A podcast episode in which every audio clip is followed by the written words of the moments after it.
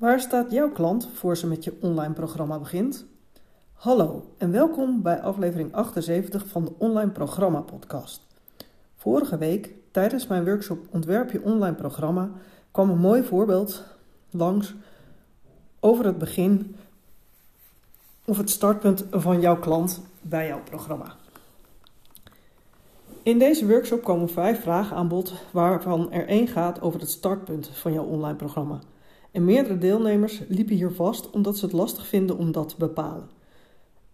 En omdat jij dat misschien ook wel hebt, uh, geef ik in deze podcast een voorbeeld, zodat jij daar ook je voordeel mee kan doen bij het bepalen van het startpunt van jouw klant.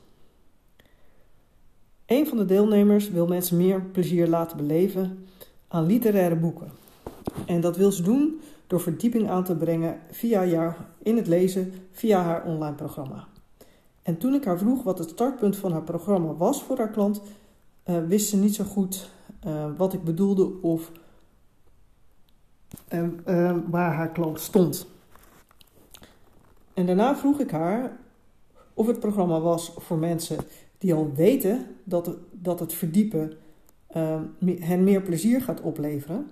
Of dat mensen dat eigenlijk nog niet weten en voor het eerst horen van hé, hey, je kunt het plezier in het lezen van je boeken verder vergroten door een verdiepingsslag aan te brengen. En het liefste wilde zij haar programma maken voor allebei deze groepen. En in mijn ogen is dat dus echt lastig. Want de eerste groep mensen die nog moet ontdekken dat, ze, uh, dat verdieping ze plezier gaat vergroten, of dat verdiepen hun plezier gaat vergroten, heeft namelijk iets anders nodig dan de tweede groep mensen die dit al weet en op zoek is naar iemand um, die dat met hen, hè, die, die hen kan helpen die verdieping uh, te bereiken. Uh, iemand die bij ze past en dat doet op een manier die ze fijn vinden.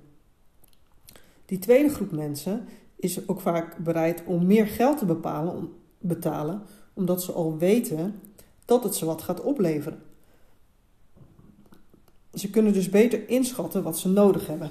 En die eerste groep is veel meer in een ontdekkingsfase. En ze willen proberen of verdiepen iets voor hen is, als ze zich aangesproken voelen door dat idee. Um,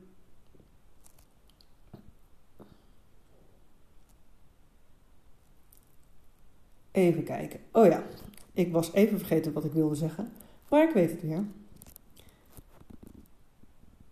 En dan heb je nog de vraag: je hebt, als je deze twee, of misschien heb jij wel meer verschillende groepen, maar als je die verschillende groepen bekijkt, passen ze dan allemaal bij je? Vind je het allemaal leuk? Of uh, steekt er eentje eigenlijk boven de andere uit en heb je daar veel meer plezier in in die fase? En vind je allebei die groepen nou aantrekkelijk, dan is het vaak zo dat het gewoon eigenlijk één doelgroep is die zich in verschillende fasen uh, van het traject dat jij ze kunt aanbieden bevinden. Dus in eerste instantie uh, help je ze ontdekken, in dit geval dat ze uh, dat verdiepen ze meer plezier geeft. En vervolgens, als ze dat inderdaad ervan overtuigd zijn dat het zo is, kun jij ze verder helpen om die verdiepingsslag aan te brengen.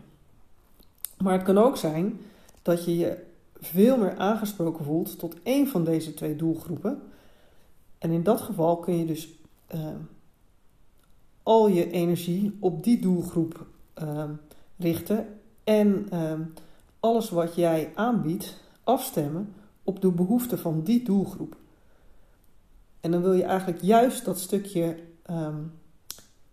dat mensen aanspreekt die jou niet zo goed liggen, daar wil je dan uh, geen content over maken. Dus niet gebruiken in je marketing.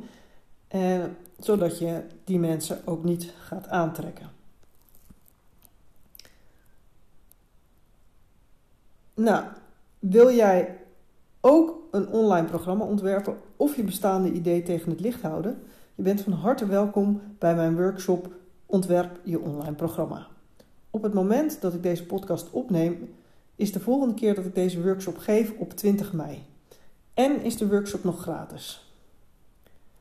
Je kunt je aanmelden via www.esterbennett.nl ontwerp je online programma.